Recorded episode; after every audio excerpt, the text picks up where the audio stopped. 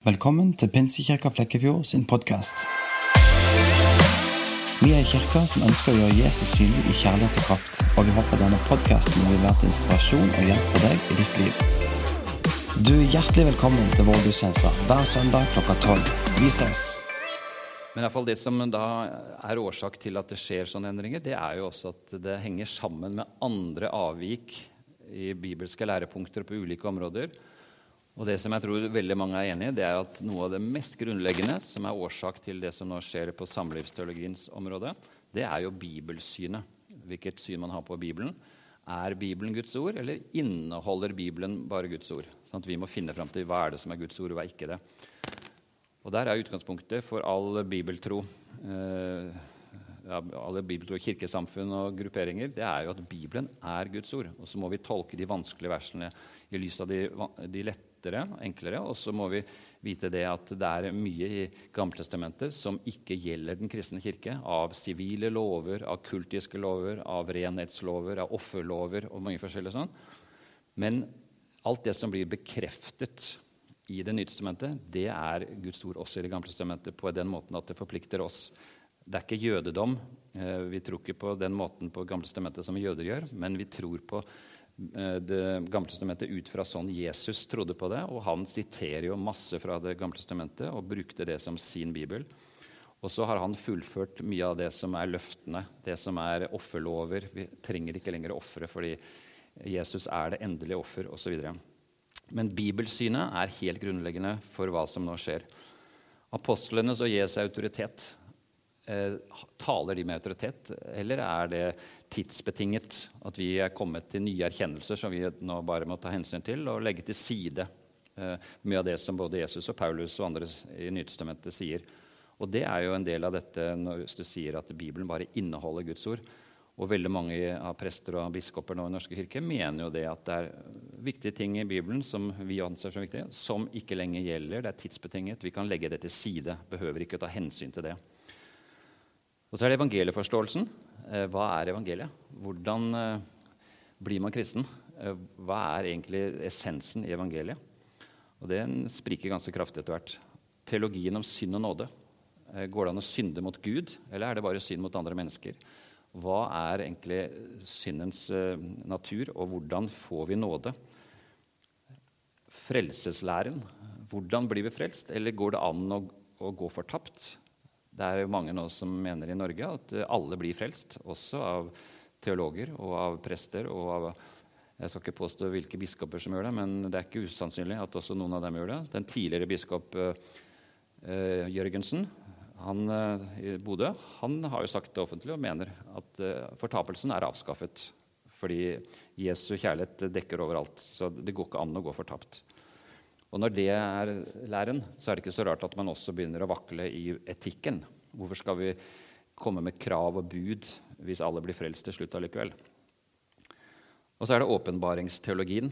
Hvordan har Gud åpenbart seg, og hvordan gjør han det i dag? Hvordan ser vi på Guds åpenbaring? Og så er det kirkeforståelsen. Hvem er det som egentlig bestemmer læren i et kirkesamfunn? Og så er det skapelsesteologien, som jo ligger i bunnen av alt dette. Med hvordan er Gud skaper, og hvilke forpliktelser ligger i skaperordningene som han har innstiftet. Og så er det, synes jeg, veldig viktig også å huske på det at eh, når Gud gir bud, når han gir oss ordninger, når han gir oss eh, råd og formaninger, og når han sier at sånn er, er min vilje, så er jo det gitt i kjærlighet. Det er ikke for å gjøre livet surt for oss, men budene og kjærligheten hører jo nøye sammen. For alle Guds bud er uttrykk for hans kjærlighet. Å lage en motsetning mellom kjærligheten og Guds bud er ubibelsk og uholdbart. Jesus sier f.eks.: Hvis dere holder mine bud, blir dere i min kjærlighet, slik jeg har holdt min fars bud og blir i hans kjærlighet. Og Johannes skriver i sitt første brev kjennetegnet på at vi elsker Guds barn, er at vi elsker Gud og holder Hans bud. Å elske Gud er å holde Hans bud, og Hans bud er ikke tunge. Så når kjærligheten og budene blir stilt mot hverandre, som, som, om de er i konflikt, så er jo det en veldig falsk og ubibelsk forståelse. For alle Guds bud er jo gitt i kjærlighet til oss. Og hvis, du, hvis vi har det som en, en grunnvoll i vår egen forståelse også av Bibelen og av Guds vilje, så gjør det det mye mer naturlig og også enkelt å tenke at jo, men eh, dette er jo fordi Gud elsker meg. Det er ikke fordi han ønsker å legge eh, hindringer i veien, og at jeg skal måtte leve et liv som er mye dårligere enn jeg egentlig kunne gjort hvis jeg hadde bestemt selv. Og Som en um, liten konklusjon si, på denne korte gjennomgangen her på både Jesus som forbilde og Bibelen som autoritet, så har lyst til å si litt også om dette her med at det finnes mange typer kjærlighet. Og Vi er jo vant til å høre nå at størst av alt er kjærligheten. Og kjærlighet er kjærlighet, samme hva, osv.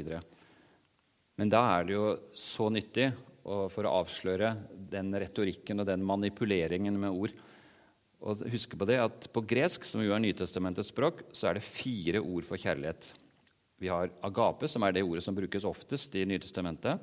Det er Guds kjærlighet til oss og Guds kjærlighet gjennom oss til andre. Den kjærligheten vi er kalt til å vise, den ubetingede kjærligheten som til og med elsker sine fiender.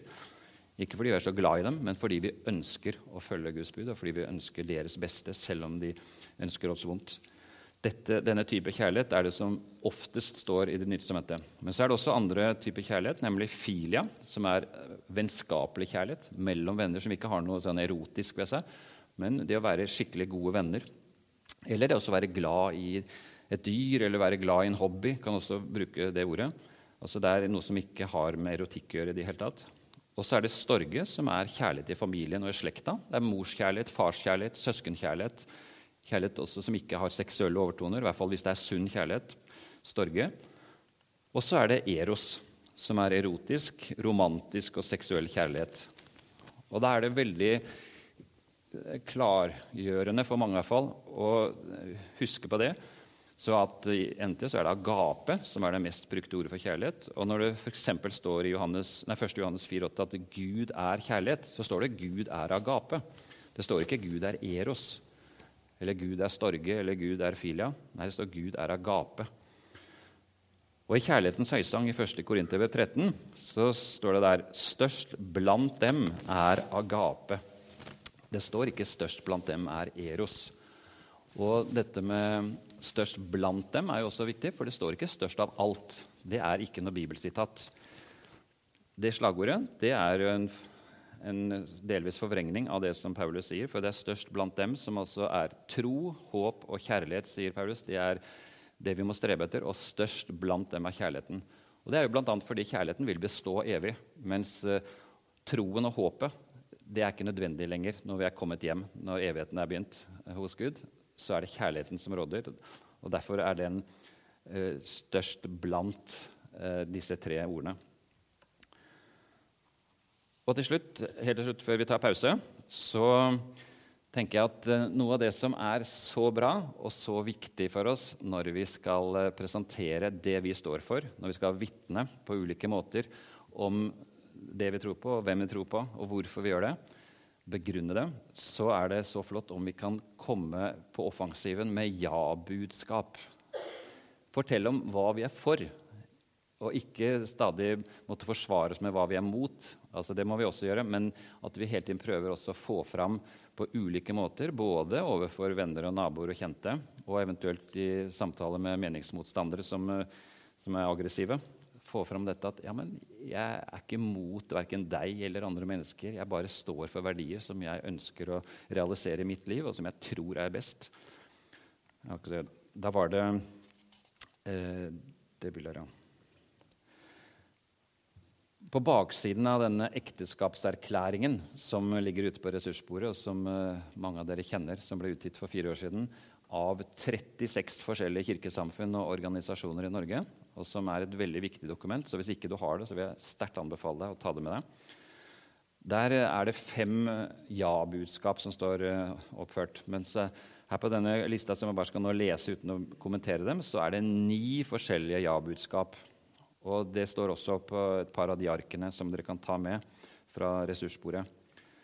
Ja til Bibelen som forpliktende autoritet for tro, lære og liv.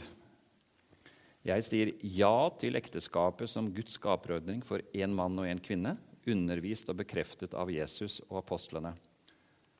Jeg sier ja til mor-far-barn-relasjons særstilling og unike betydning. Jeg sier ja til barns gudgitte rett til å kjenne sin egen mor og far. Verken mor eller far er overflødig. Jeg sier ja til barn som en gave og ikke som en rettighet eller handelsvare. Jeg sier ja til betydningen av blodsbånd, slekt og biologisk tilhørighet. Jeg sier ja til barneperspektivet i Kirkens teologi og praksis. Jeg sier ja til FNs barnekonvensjon, hvor det står at barn har rett til, så langt det er mulig, å kjenne sine foreldre og få omsorg fra dem. Og jeg sier ja til biologiske realiteter, barns rettigheter og Bibelens budskap de tre b-ene biologi, barn og Bibel. Vår tro og vårt budskap bygger på et tydelig ja til Guds gode vilje på alle livsområder. Og Hvert av disse punktene kan jo være oss eh, både jobbe litt med og begrunne og forklare til andre hvorfor jeg står for dette. Og hvis folk er uenige, så ja, det er helt greit. Du velger hvordan du vil, hvilke ja-budskap du har. Du sier ja til planlagt farløshet. Eh, hvorfor mener du at det er bra? Du sier ja til at det ikke betyr noe med biologiske relasjoner. Du sier ja til at Gud ikke har noe med menneskelivet å gjøre, eh, osv. Avhengig av hvem det er du snakker med. Og så få de til også å begrunne sine standpunkter. Og Der er jo Jesus et veldig godt forbilde. Han stilte masse spørsmål. Jeg har en andagsbok hjemme faktisk, som jeg kikka på senest i går. En amerikansk andagsbok som eh, inneholder 324 spørsmål fra Jesus i evangeliene. Hvis du teller gjennom alle fire evangeliene Noen er jo repetisjoner i Markus og Matteus, men alle gangene det står nevnt at Jesus stiller et spørsmål med spørsmålstegn bak, så er det til sammen 324 ganger.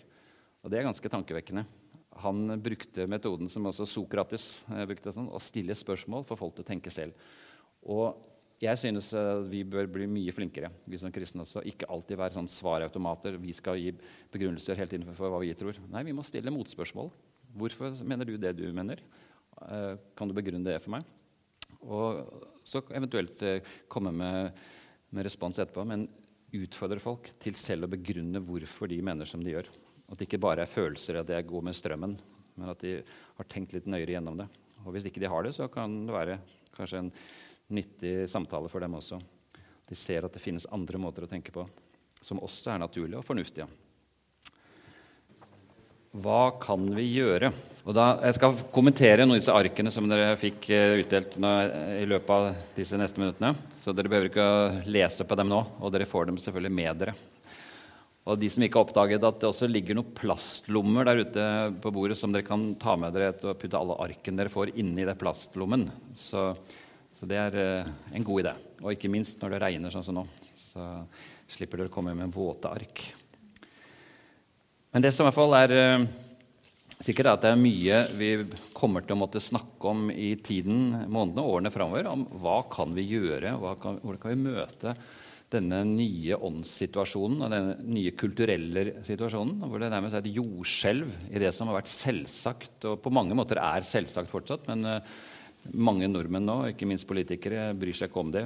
Om det selvsagte, om skaperordninger, om biologi, om uh, veldig mye som egentlig ligger fast, og som har vært liksom, uh, sett på som ja, Familien med mor, far, barn har vært grunncellen i alle sivilisasjoner til alle tider. Og det gjelder ikke lenger. Og det er klart at uh, her må det mye både refleksjon, samtale, bønn, fellesskap, og vi må hjelpe hverandre, støtte hverandre og det aller, aller første det er jo at vi må bevisstgjøres på hva står på spill, og hva er dette for noe egentlig? Og også bevisstgjøring på hvem er vi som Guds folk i Norge i dag. Og Jeg nevnte det sist, og jeg nevner det i alle sammenhenger. Vi må bryte tausheten. Det er noe av det aller første vi må gjøre. Og det er det som vi er med på nå i kveld. Bryte tausheten. For i veldig mange sammenhenger, langt inn i de mest konservative kretsene, så er det en frykt og en taushet som råder Ikke overalt, men i altfor mange steder. Og det snakkes ikke om. Det er blitt et slags tabuemne å snakke om dette, fordi det kan jo skape noen spenninger. Noen kan føle seg såret. Det, det er vanskelig å vite, og jeg vet ikke nok. Og det kan være vi kommer avisen hvis vi har noe temamøte osv. Så, videre. Eh, så her er det så viktig at vi ikke lar frykten styre, men vi må tvert imot vite at vi trenger å få opplæring. Vi trenger å snakke om disse tingene, vi trenger å bli bevisste. Men først eh, da på denne bevisstgjøringen av hvem vi er, på grunnleggende sannheter som eh, kristne, så er vi et annerledes folk, kort og godt. Vi tilhører et annet rike, en annen herre. Vi har andre verdier og prioriteringer, en annen autoritet. Vi er fremmede, sier Peter i 1. Peters brev. Og i et av versene her også står det at vi er fremmede og utlendinger. Vi er et folk på vandring hjemover. Og da er vi på så mange måter, og mer og mer, annerledes enn svært mange rundt oss. Og det må vi ikke bli overrasket over og tenke at ja, så merkelig, er det noe galt med meg? Nei, det er jo tvert imot. Det er sannsynligvis noe veldig rett med deg hvis du opplever at du hører ikke helt til i denne verden, og kanskje mer og mer for den opplevelsen. Så er det veldig bibelsk, egentlig. Og det å ha den selvforståelsen. Det er jo ganske nyttig. Og som Jesus sier i Johannes 17, at vi er i verden, men ikke av verden. Og han sender oss til verden. Så poenget er ikke at vi må gå i katakombene og begynne å gjemme oss, for Jesus sender oss til verden, men med nåde og sannhet. Og så dreier det seg om etterfølgelse og lydighet i disse spørsmålene. Gud kaller oss til å leve i og forsvare hans sannheter både på dette området, men også på mange andre. Og her er det så viktig at vi hele tiden vet at det er relasjonen med Jesus som betyr mest av alt. Og da lærer vi masse underveis. Men også kunnskap i hodet, argumenter, begrunnelser er jo viktige. Men hvis det ikke er ledsaget eh, intimt med vennlighet, med kjærlighet, så kommer vi veldig kort. Og da vil vi ofte bare stryke over det vi sier, istedenfor å stryke under. Og Derfor så etterfølgelse og lydighet og det å møte mennesker med Jesus sinnelag. Og så ha klart for oss, oss at i stor grad så handler det om en forsvarskamp. Det er ikke en kamp mot mennesker, altså mot kjøtt og blod, som Paulus skriver om der med å ta på seg Guds fulle rustning. Men det er en forsvarskamp mot ubibelske ideologier, tankesystemer og trender. Og se Efeserne 6 er akkurat dette her med å ta på seg Guds fulle rustning, og hvor vi ikke kjemper mot mennesker. Vi er ikke mot mennesker, men vi skiller veldig klart mellom mennesker og ideologier. Altså individer og ideologier. Vi skjeller mellom sak og person. Og vi kan være veldig klare på hva vi tror er sant og godt og rett, samtidig som vi virkelig viser Guds kjærlighet til våre medmennesker, selv om de lever helt annerledes enn det vi mener er rett. Og I denne forsvarskampen bør vi også støtte og eventuelt samarbeide med folk fra andre livssyn som er kritiske til den radikale kjønnsideologien. Og Det var interessant på forrige tirsdag, på dette møtet på Arena som vi hadde der i Kulturhuset, hvordan også denne nye organisasjonen LLH 2019 som jo, Mange av dem er jo ateister og lever med en av samme kjønn. og er på ingen måte enig i alt det vi står for, men samtidig har vi viktige punkter felles nå. Vi kan samarbeide i kampen mot særlig dette med kjønnsskifte og med barn og unge som nå blir oppfordret nærmest av eh, helsesøstre og sexologer til å bytte kjønn hvis de føler at de er det motsatte kjønn. Ja, men da må vi sette i gang med behandling. Det er bare så destruktivt, og det er de helt klare på. Og de sier jo selv fra LLH 2019 at de står jo sammen med oss i alt som har med barn å gjøre, og alt som har med kjønn eller Alt og alt, det vet jeg ikke, men i hvert fall veldig mye av det som har med barn og kjønn, at det finnes bare to kjønn. Det finnes bare to typer kjønnsceller. Det er mannlige og kvinnelige kjønnsceller. Det er ingen andre arter, eh, menneskearter som formerer seg enn mennesket. Det er Homo sapiens, som er eh, egg fra en kvinne og sæd fra en mann. Når det snakkes om at det er syv kjønn og ti kjønn og 15 kjønn, så er det bare vås, egentlig. Da er det snakk om følelser eller det er snakk om ideologier og valg og preferanser. Men det er ikke snakk om biologiske kjønn. Så i denne forsvarskampen så må vi også avsløre, og dermed så blir det ikke bare sånn at vi skal stå passive og liksom forsvare oss, men også å avsløre, ikke minst med Guds sverd, er Guds ord som er åndens sverd, Eh, avsløre det som er både helt ubibelsk, det er helt ubiologisk, det er uvitenskapelig, og det er bare drevet av følelser og, biologi, nei, følelser og uh, ideologi. Og vi må alle ta et gjennomtenkt valg og stå for det vi mener er rett og godt og sant. Altså Sannheten går ikke ut på dato. Det er et av våre slagord. At uh, vi er kalt til som Jesu vitner og Jesu etterfølgere.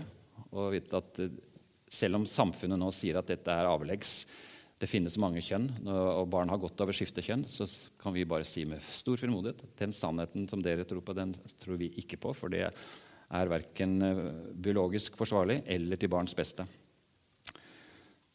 Samtidig som vi skal møte alle som er forvirret, alle barn og ungdom som er kjønnsforvirret. skal møte dem med masse empati og, og, og, vennlighet og varme og godhet for å prøve å hjelpe dem til å se at de tar helt feil. At det er ikke sånn de tror, eller sånn som sexologer og andre prøver å overbevise dem om.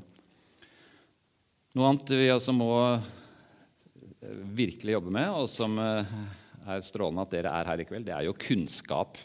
Jeg har jo sagt det før uh, sist gang også, og jeg gjentar det veldig gjerne, at uh, uten kunnskap så mister vi frimodigheten. For kunnskap er helt nødvendig for å ha frimodighet og troverdighet. Uten kunnskap så er det usikkerhet som vil prege oss, frykt og taushet, som vi ser så mye nå rundt oss. Og da er det bare et sånn enormt kall opplever jeg, til å hjelpe hverandre til å få mer kunnskap, motivere hverandre, og ikke minst også motivere våre egne ledere til å undervise til å, eh, å, ta disse temaene opp. Ikke bare sånn en temakveld av og til, men dryppe med det eh, regelmessig. Og da er jo disse ressursene som eh, dere ser på dette lille arket dere har fått Jeg husker ikke noe helt om jeg ga et lignende ark sist, men nå er det et oppdatert ark i hvert fall, som har enda en ny nettside som er veldig bra. Og dette er sånn som jeg anbefaler dere virkelig å ta vare på. Gjerne henge det opp på kjøleskapet eller putte det i Bibelen eller et sted hvor dere vet at der er det. For her er det så mange gode ressurser, og alt her er på norsk. Altså Der finnes en engelsk artikkel innimellom, men det er norske nettsteder. Og Jeg skal ikke gå inn i detalj på hver her, men hvis dere er lure, så bruker dere det i tid, og gjerne setter dere noen mål. La oss si fram til jul. Nå skal jeg i hvert fall bruke én time i uka fram til jul skal jeg gå, bli kjent med disse nettstedene, lese litt og bli godt kjent, så jeg kan anbefale også til andre. Og Du kan printe ut noe flott du finner der, og du kan ta det opp med barn eller barnebarn, og du kan anbefale nettstedene til andre personer. Og Gjerne kopiere opp eller skriv inn disse om igjen og send dem rundt. Legg dem ut på Facebook, spre dem. Alt dere vil. For dette er gratis ressurser. Det er ikke tunge bøker, store avhandlinger, men det er lett tilgjengelig stoff og mange forskjellige aspekter ved denne tematikken. Så det, Noe av det lureste dere kan gjøre etter denne kvelden, det er å ta godt vare på dette og så bruke den lappen. Sett dere noen mål. Én time i uka tror jeg er realistisk for de fleste av oss. Og da tror jeg det ofte vi bruker mer også, fordi det er så interessant og givende. Og du merker at nå blir jeg tryggere. Nå kan jeg begynne å snakke også med barn og barnebarn om dette. For jeg vet litt hva det dreier seg om. Mye mer enn jeg visste bare for en måned siden. Så du gjør deg selv veldig lurt og veldig en god gjerning mot deg selv. Mot å skaffe deg mer kunnskap. Ta det på alvor. Ekteskapserklæringen, som også ligger ute på bordet, er også en viktig ressurs. som nevnt. Og vi må oppmuntre som jeg sa, ledere og pastorer til å ta dette jevnlig opp. Og så vite at dette er et tema man må følge litt med på. Og Hvis du leser en god artikkel, et finner noe på nettet, så klipp det ut, print det ut og spar. Skaff deg en A4-perm. Putt det inn der, og så har du ressurser også som du vet er lett tilgjengelig. Og så handler det også, Denne kunnskapen den skaffer deg eh, masse kunnskap om konsekvensene. Og Det ligger et ark der ute som eh, heter 'Pride-ideologien' eller 'Likekjønnet ekteskap'. Det har fått to forskjellige titler, men akkurat samme innhold. Og hvor det er masse forskjellige momenter om hva dette fører til, denne radikale kjønnsideologien. Det er en kulturrevolusjon med dramatiske ringvirkninger, som det står eh, under hovedtittelen på det arket der. Og det er bare et eksempel på det at uh, når vi får mer kunnskap, så har vi også mye enklere for å kunne hjelpe andre til å skjønne at dette er så alvorlig, det er så dyptgripende i hele samfunnsveven. Nå har man begynt liksom å tukle med renningen i veven, og så plutselig kan det rakne skikkelig. Også fellesskap og medarbeiderskap på kryss og tvers, både i vår egen menighet. Eh, få deg en venn eller venninne eller to eller tre som kanskje møtes regelmessig også for å ta opp stoff dere har jobbet med, og gi hverandre litt oppgaver, holde hverandre ansvarlige for å komme videre. Og dette er jo ikke noe som går over til neste år. Så jo fortere du begynner, jo mer vil du være lur og kunne hjelpe andre Så det er aktiv støtte til eh, andre kristne, det er foreldreansvaret. Og snakke om dette hjemme også, og finne sammen med andre foreldre. Kanskje danne familiegrupper. Være med i en familiegruppe, og Det bør ikke organiseres av noen andre. Du kan selv ta initiativet. To andre familier for eksempel, med barna. Møtes annenhver uke søndag ettermiddag. Ha det gøy sammen, gå tur. Øh, gjøre masse artige speiderting, kanskje, litt sånn ut i naturen. Samtidig som også tar opp bibelhistorier, ber sammen uh, på barnas premisser, har et åndelig innhold. Så er det fornyelse og vekkelse. og Husk på det at ofte i tider med motstand og forfølgelse kommer det fornyelse og vekkelse. Og Vi må unngå selvmedlidenhet og offermentalitet. La oss rette ryggen, løfte hodet og frimodig vitne om Guds kjærlighet og vilje. Og det å bruke Guds løfter det fins hundrevis av dem. Her er bare et par eksempler. og På det arket som jeg skal bare kommentere etterpå, som dere har fått, så står det noen flere, og på nettet står det enda flere. Og medvandring. Vurder å danne en gruppe i menigheten deres kanskje, for medvandring, der deltakerne åpent og fortrolig kan dele utfordringer relatert til kjønn, seksualitet, relasjoner, selvbilde med mer. Og Da behøver man ikke være mer enn to eller tre for å ha en gruppe. Og så Hvis lederskapet får det i gang, og at det blir en ansvarlig leder som også understreker at her er det taushetsplikt, her er det noe vi skal kunne være, et sted vi kan være helt åpne med hverandre, så kan det bety mye for en god del mennesker. og det å ha et sånt eh, tilfluktssted, en sånn oase for folk som sliter, enten det er med pornografi eller med sin egen seksualitet eller med andre ting, så kan det være så givende og så, til så stor hjelp for mange. Så er vi kommet til eh, barnehage og skole. Og det er jo et uh, veldig viktig punkt også, for det er våre barn som nå blir utsatt virkelig for alvoret her når de helt fra treårsalderen får høre i barnehagen uh, at uh, det er ikke sikkert du er gutt selv om du ser ut sånn. Det er ikke sikkert du er jente, selv om du, du heter eh, Kari og ser ut som jente. Altså, det er ikke sikkert det blir sagt på den måten, men det er det som blir budskapet. Og når NRK Super sender barneprogram, når det kommer i så mange sammenhenger en totalt kjønnsforvirret uh, virkelighetsforståelse, så er det klart at våre barn og barnebarn har en enorm utfordring. Og der trenger vi virkelig å være bevisste nå i tida framover. Og hvordan forholde seg til dette? Vi kristne foreldre og besteforeldre, og særlig da foreldre i første runde, vi må følge med i skolebøker og ukeplaner på en ny måte. Vi må spørre lærerne og ha eh, regelmessig dialog, tenker jeg, i hvert fall eh, en gang eller to i semesteret, og helst oftere kanskje, for å være oppdatert på hva skal skje. Høre med dem når, hvis de får besøk av foreningen FRI eller Skeiv Ungdom. Hvilken dag er det, og hva skal de lære da? Og eventuelt Eh, holde barna hjemme fra skolen eller dra på tur den dagen. For det er lov faktisk i forhold til eh, den eh, opplæringsloven, som jeg har et bilde på også. Hvis ikke vi rekker det, så kan dere, de som vil, kan bare spørre meg etterpå. Og det ligger også på nettet på samlivsbanken.no, som jeg skal fortelle om etterpå. Og så er det dette med å snakke med andre foreldre, kanskje danne en liten gruppe. Gå om nødvendig til skolens ledelse og, snakk og prøv å finne akseptable løsninger og kompromisser. Så husk at foreldreretten står fortsatt sterkt. Og dann gjerne bønnegrupper. Eh, det er en norsk gruppe Mødre i bønn som har eh, det engelske navnet, men som er norsk. Som nå har Sist var det her jeg spurte, var det 300 grupper. noe finnes det nå av denne Moms in Prayer, altså mødre i bønn, som ber for barna sine skolen, ber for lærerne, ber for skolemiljøet, for klassekamerater osv. Veldig livskraftig arbeid som har økt mye de siste fem, seks, syv årene. Så dette her med barnehage og skole, det er jo virkelig noe som er så grunnleggende. og jeg har jo forstått at dere her i Flekkefjord skal jo få Oasen skole eh, hvis alt går etter planen fra høsten. Og det, det, håper jeg dere virkelig er positive til, selv om dere kanskje ikke har barn som skal sendes dit. Men altså, selv har jeg to barnebarn i, på Oasen i Søgne og er sjeleglad.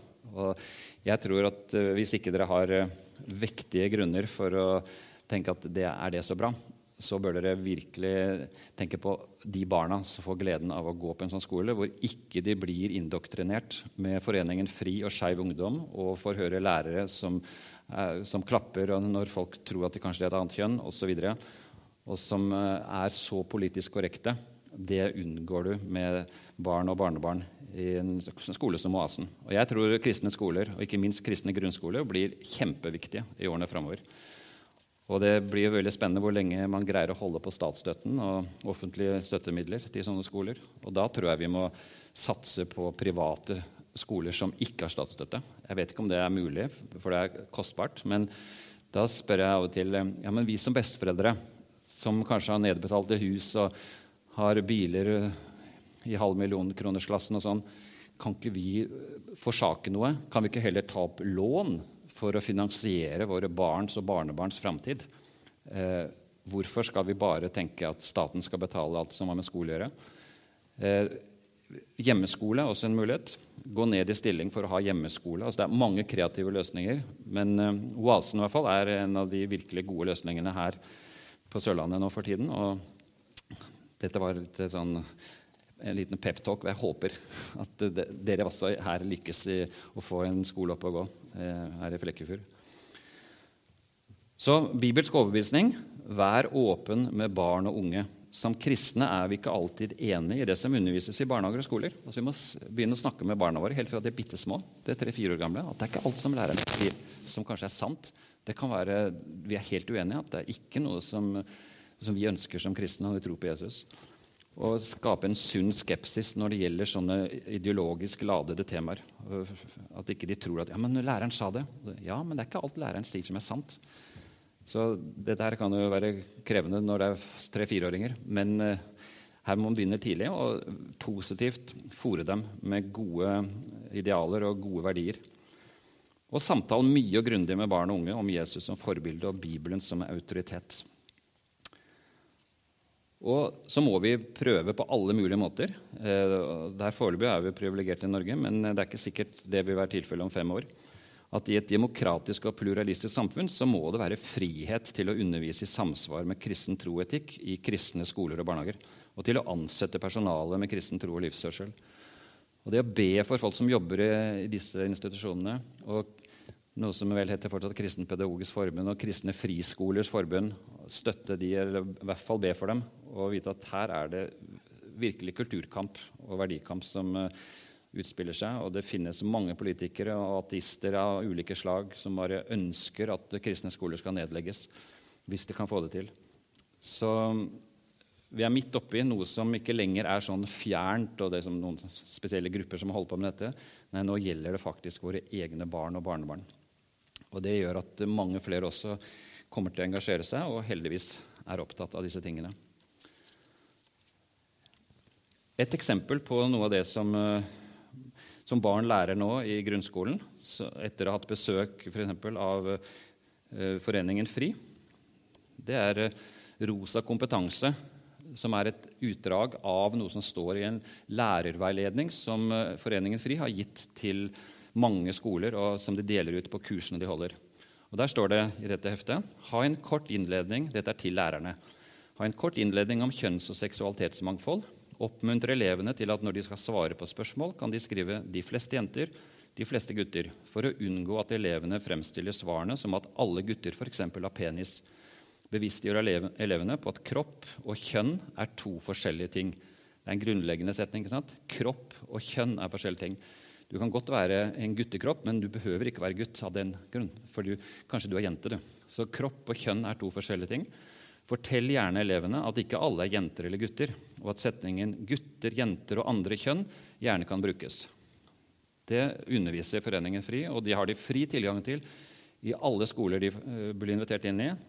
Oasen skole i Søgne for har snakket med rektoren der, og de, de, inviterer ikke disse inn. De blir spurt, de får jo masse masing. Kan ikke få komme oss til Oasen? Nei, vi har våre lærere, vi har våre opplegg. Vi ønsker ikke å ha besøk av Foreningen FRI. Og så Et annet eksempel da, på samme side i dette heftet. Etter at eh, barna har snakket sammen i en gruppe, så kommer de i plenum, og så skal læreren spørre har alle gutter penis. Her er korrekt svar nei. Og dette er altså dette er ikke noe jeg har skrevet inn, dette er direkte sitat fra heftet. Har alle jenter klitoris? Her er korrekt svar nei. Kjenner alle seg som gutter eller jenter? Korrekt svar nei. Hvem kan man bli forelsket i? Gutter, jenter og andre. Og andre er jo alle disse dusinvis andre kjønnsidentiteter som vi snakket om sist, som eh, går på alle mulige 70 forskjellige cirka, foreløpig, som f.eks.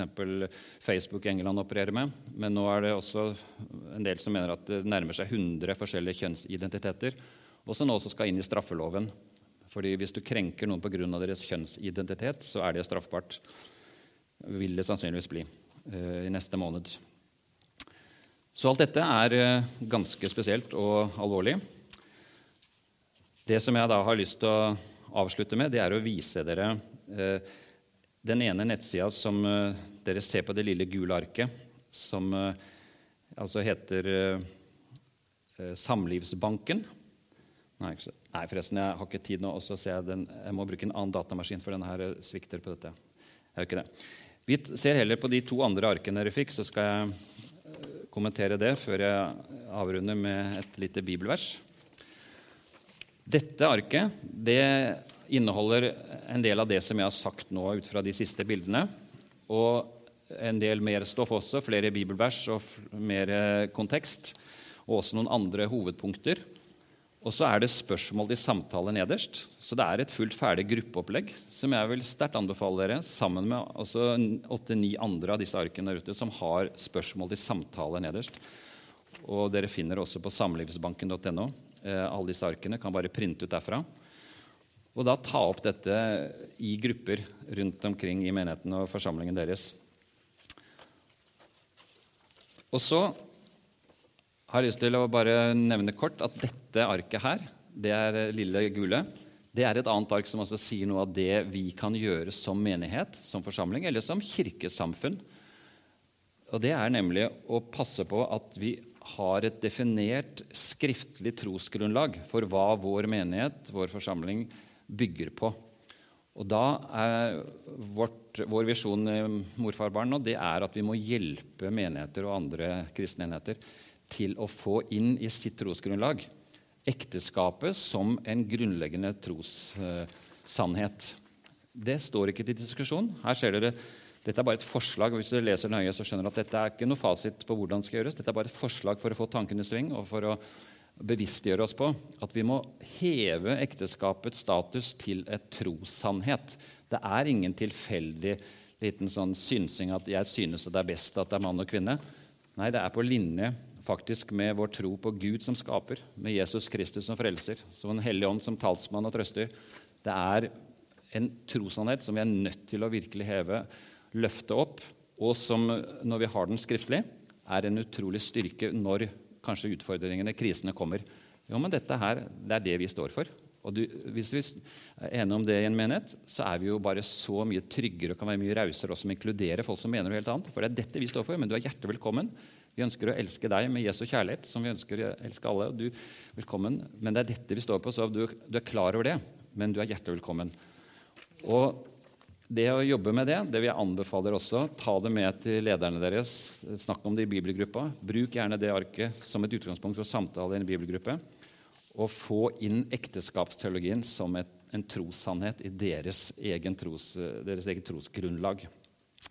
Det er i hvert fall et tips som jeg varmt anbefaler, for å si det enkelt.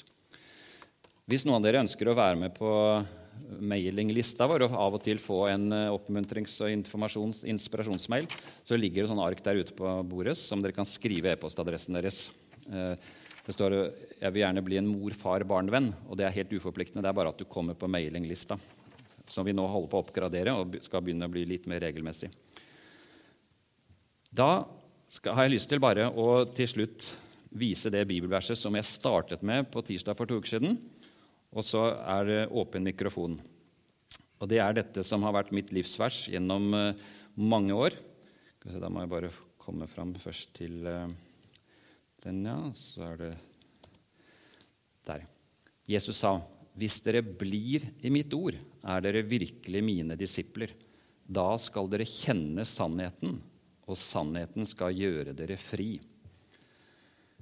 Det inneholder så mye godt og dypt og omfattende stoff og omfattende sannheter. Så dette vil jeg anbefale også å lære utenat og i hvert fall ha veldig klart for seg på et ark eller et papir som man har i Bibelen, og vite hvor det står.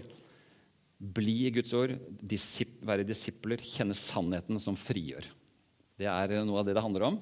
Og det er noe av det jeg tror hver enkelt av oss også trenger å leve i mer og mer i årene som ligger foran oss. Og da må vi stå sammen, be for hverandre, støtte hverandre og vite at vi tilhører Guds verdensvide familie.